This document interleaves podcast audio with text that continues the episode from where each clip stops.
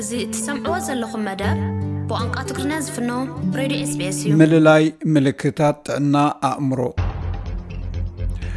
ኣእምሮዊ ጥዕና ቀንዲ ክፋል ሓፈሻዊ ጥዕናናን ድሕነትናን እዩ። ናይ ኣእምሮ ሕማም ዘለዎም ሰባት ኣካላዊ ሕማም ናይ ምሕማም ዕድሎም ሰፊሕ እዩ ኣብ ኣውስትራልያ ሰባት ዝተፈላለዩ ናይ ኣእምሮ ሓለዋ ጥዕና ኣገልግሎታት ክጥቀሙ ይኽእሉ እዮም ይኹን እምበር ምልክታት ናይ ኣእምሮ ጥዕና ፈሊኻ ሓገዝ ምሕታት ኣገዳሲ እዩ ኣብ ነፍሲ ወከፍ ዓመት ሓደ ካብ ሓሙሽተ ኣውስትራልያውያን ናይ ኣእምሮ ጥዕና ፀገም የጋጥሞ ካብ ኩሎም ኣውስትራልያውያን ኣርሓ ካብ ሚእቲ ኣብ ገለ እዋን ናይ ኣእምሮ ሕማም ከጋጥሞም ይኽእል እዩ። ማርያ ካንጋስ ኣብ ዩኒቨርሲቲ ማኩዌሪ ተማራማሪት ስነ ኣእምሮን ፕሮፌሰር ስነ ኣእምሮን ከም ዝገለጸቶ እቲ ንኣውስትራልያውያንን ኣብ መላእ ዓለም ንዝርከቡ ሰባትን ዝጸሉ ክልተ ልሙድ ናይ ኣእምሮ ጸገም ጥዕና ኣሎ ጸቕጥን ጭንቀትን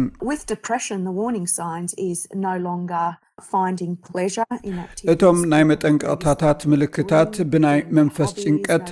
ሰባት እንተላይ ቅድሚ ሕጂ ባህ ዝብሎም ክገብርዎ ዝፀንሑ ንጥፈታት ምስ ሰባት ማሕበራዊ ርክብ ክምስርቱን ኣይደልዩን እዮም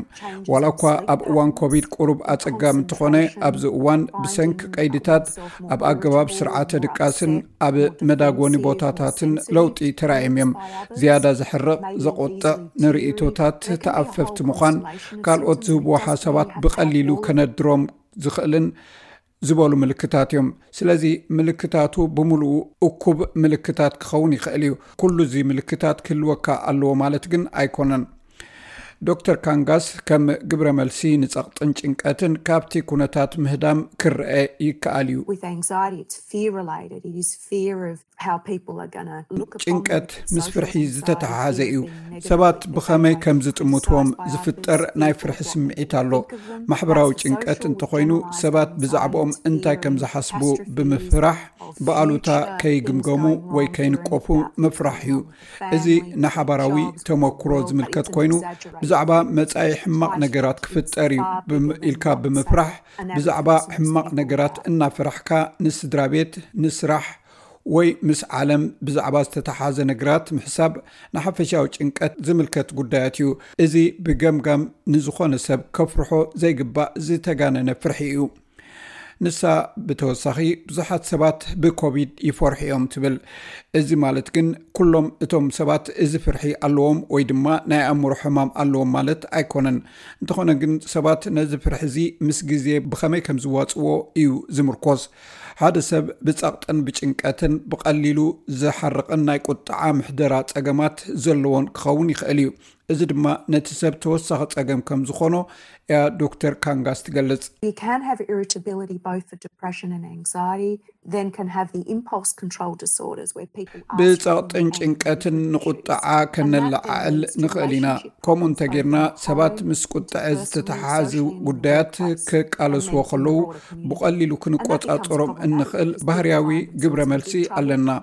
ከምኡ ምስ ዝኸውን ድማ ኣብ ገዛ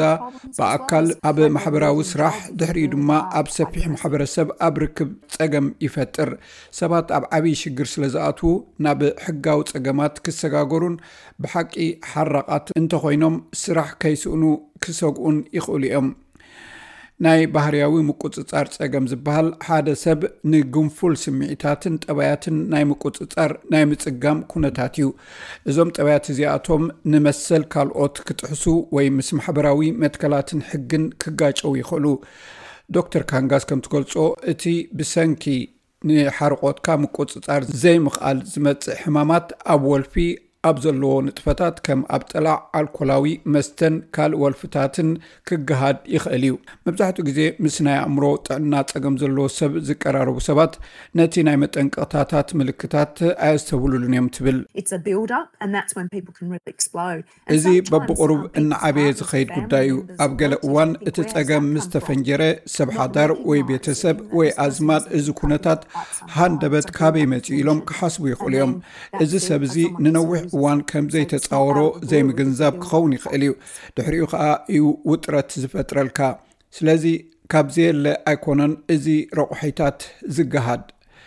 ሃሪ ሚናስ ንሓያሎ ዓመታት ኣብ ክሊኒካል ሳይካያትሪ ዝሰርሐ እዩ።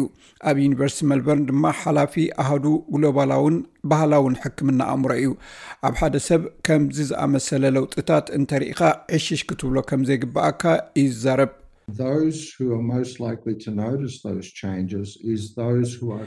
እቶም ነዚ ለውጥታት እዚ ዘስተብህሉሉ ሰባት እቶም ናብቲ ሰብ ዝቐረቡ ሰባት እዮም ዝያዳ ኣቐልቦ ክገብርሉ ኣለዎም ኮይኑ ግና ምስቲ ሰብ ክካፈሉ ብዛዕባ እቲ ዝኾነ ነገር ክዛረቡ እውን ክሓትዎ ኣለዎም ከምኡውን እቲ ሰብ ብዛዕባ ዘጋጥሞ ዘሎ ነገራት ብምዝራብ ዝፈኽሰሉ ኩነታት ምፍጣር ኣዝዩ ኣገዳሲ እዩ ከምኡውን ብሕማቕ ወይ ብመላገፂ ወይ ብካልእ ኣገባብ እቲ ዘሕልፎ ዘሎ ነገራት ከይዝረብ ምግባር ኣገዳሲ እዩ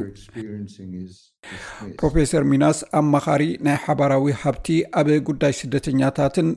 ሓተቲ ዑቕባን ንብዙሕ ዓመታት ሰሪሑ እዩ። ካብ ብዙሕ ባህሊ ዝመጹ ሰባት ብዛዕባ ጥዕና ኣእምሮን ምስኡ ተተሓሒዙ ዝለዓል ኩነታትን ሰኣን ኣፍልጦን ምስቲ ሕማም ዝተሓሓዝ ሕሜታን ብምፍራሕ ኣብ ግዜኡ ናይ ጥዕና ደገፍ ከይሓቱ ይኽእሉ እዮም። ዋላ እኳ ንብዙሕ ሰብ ናይ ኣእምሮ ሕማም ከም ዘለዎ ንጹር እንተዀነ፣ እዞም ሰባት እዚኦም ኣብ ገዝኦም ኮይኖም ክቕመጡ ይኽእሉ እዮም ብሕማቕ ከይጥመቱ ብምስጋእ ስድራ ቤታት ምስ ሕብረተሰብን ዘለዎም ርክባት ክቃርፁ ይኽእሉ እዮም ነቲ ናይ ኣእምሮ ሕማም ዘለዎም ሰባት እውን ናይ ሰብ ሞያ ሓገዝ ካብ ምሕታት ክቁጠቡ ይኽእሉ እዮም ብገለ ምክንያት ምስ ሓኪምኩም ክትዘራረቡ ዘይትደል እንትኾንኩም ከም ብዮንድ ብሉ ዝኣመሰለ ብዙሕ ናይ ሓገዝ መስምራት ኣሎ ቀንዲ ኣማኻሪ ክሊኒካል ዶክተር ግራንት ብላሽኪ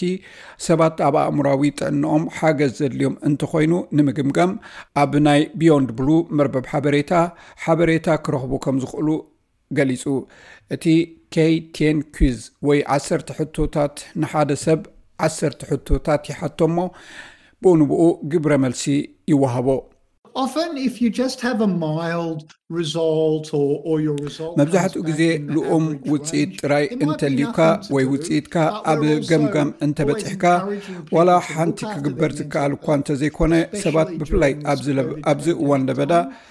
ዝነብርሉ ዘለዉ እዋን ንኣእምራዊ ጥዕንኦም ክከናኸኑ ወትሩ ነተባብዖም ኢና ስለዚ ኣዘውቲርካ ምውስዋስ ኣካላት ምግባር ኣብ ቤትካ ተወሰነ ልማድ ምክያድ እኹል ድቃስ ምድቃስ፣ ብዙሕ ኣልኮላዊ መስተ ዘይምስታይ ዝብሉ እዮም። ናይ መጠናዊ ውፅኢት መርመራ እንተረኺብኩም ግና ናብ ቢዮንድ ብሉ ሄልፕላይን ምድዋል ኣገዳሲ እዩ። ናይ ሓደገኛ ውፅኢት መርመራ እንተረኺብኩም ድማ ንሓኪምኩም ብኡ ንብኡ ክትውከሱ ኣለኩም ይብል ዶክተር ብላሽስኪ። In many countries, the family doctor, the GP, is not someone you would naturally think of. ኣብ ብዙሓት ሃገራት እቲ ናይ ስድራ ቤት ሓኪም ወይ GP ከም ሓደ ንናይ ኣእምሮ ጥዕና ጉዳይ ጽቡቕ መበገስ ጌርካ እተሓስቦ ሰብ ኣይኮነን። ብዙሓት ባህልታት GP ንጸቕጢ ደምን ኣካላዊ ጸገማትን ጥራይ ከም ዘገልግል ገይሮም ዝሓስቡ ኣለዉ። ኣብ ኣውስትራልያ ግን ናይ GP ወይ ናይ ስድራ ቤት ሓኪም ኣገዳሲ ክፋል ናይ ኣእምሮዊ ጥዕና ሓይሊ እዩ። እረ ናይ ጂፒ ኣእምራዊ ጥዕና ውጥን ዝበሃል እውን ክገብሩ ይኽእሉ እዮም እዚ ማለት ናብ ፍሉይ ናይ ስነ ኣእምሮ ኣገልግሎት ንምኻድ እውን ናይ ሜዲኬር ምወላ ትረክብ ማለት እዩ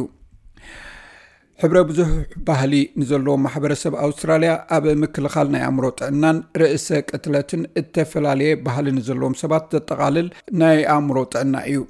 ኣብ ናይ ስነ ኣእምሮ ጥዕና ኣውስትራልያ ኣካየዲት ስራሕ ናይ ኢምብሬስ ፕሮጀክት ዝኾነት ሩት ዳስ እቲ ፕሮጀክት ናይ ኣውስትራልያ ናይ ኣእምሮ ጥዕና ኣገልግሎታት ከምኡውን ብዙሕ ባህሊ ንዘለዎ ማሕበረሰብ እትወታትን ኣገልግሎታትን ብባህላዊ መዳይ ብዝጥዕሚ ኣገባብ ኣገልግሎት ንክረኽቡ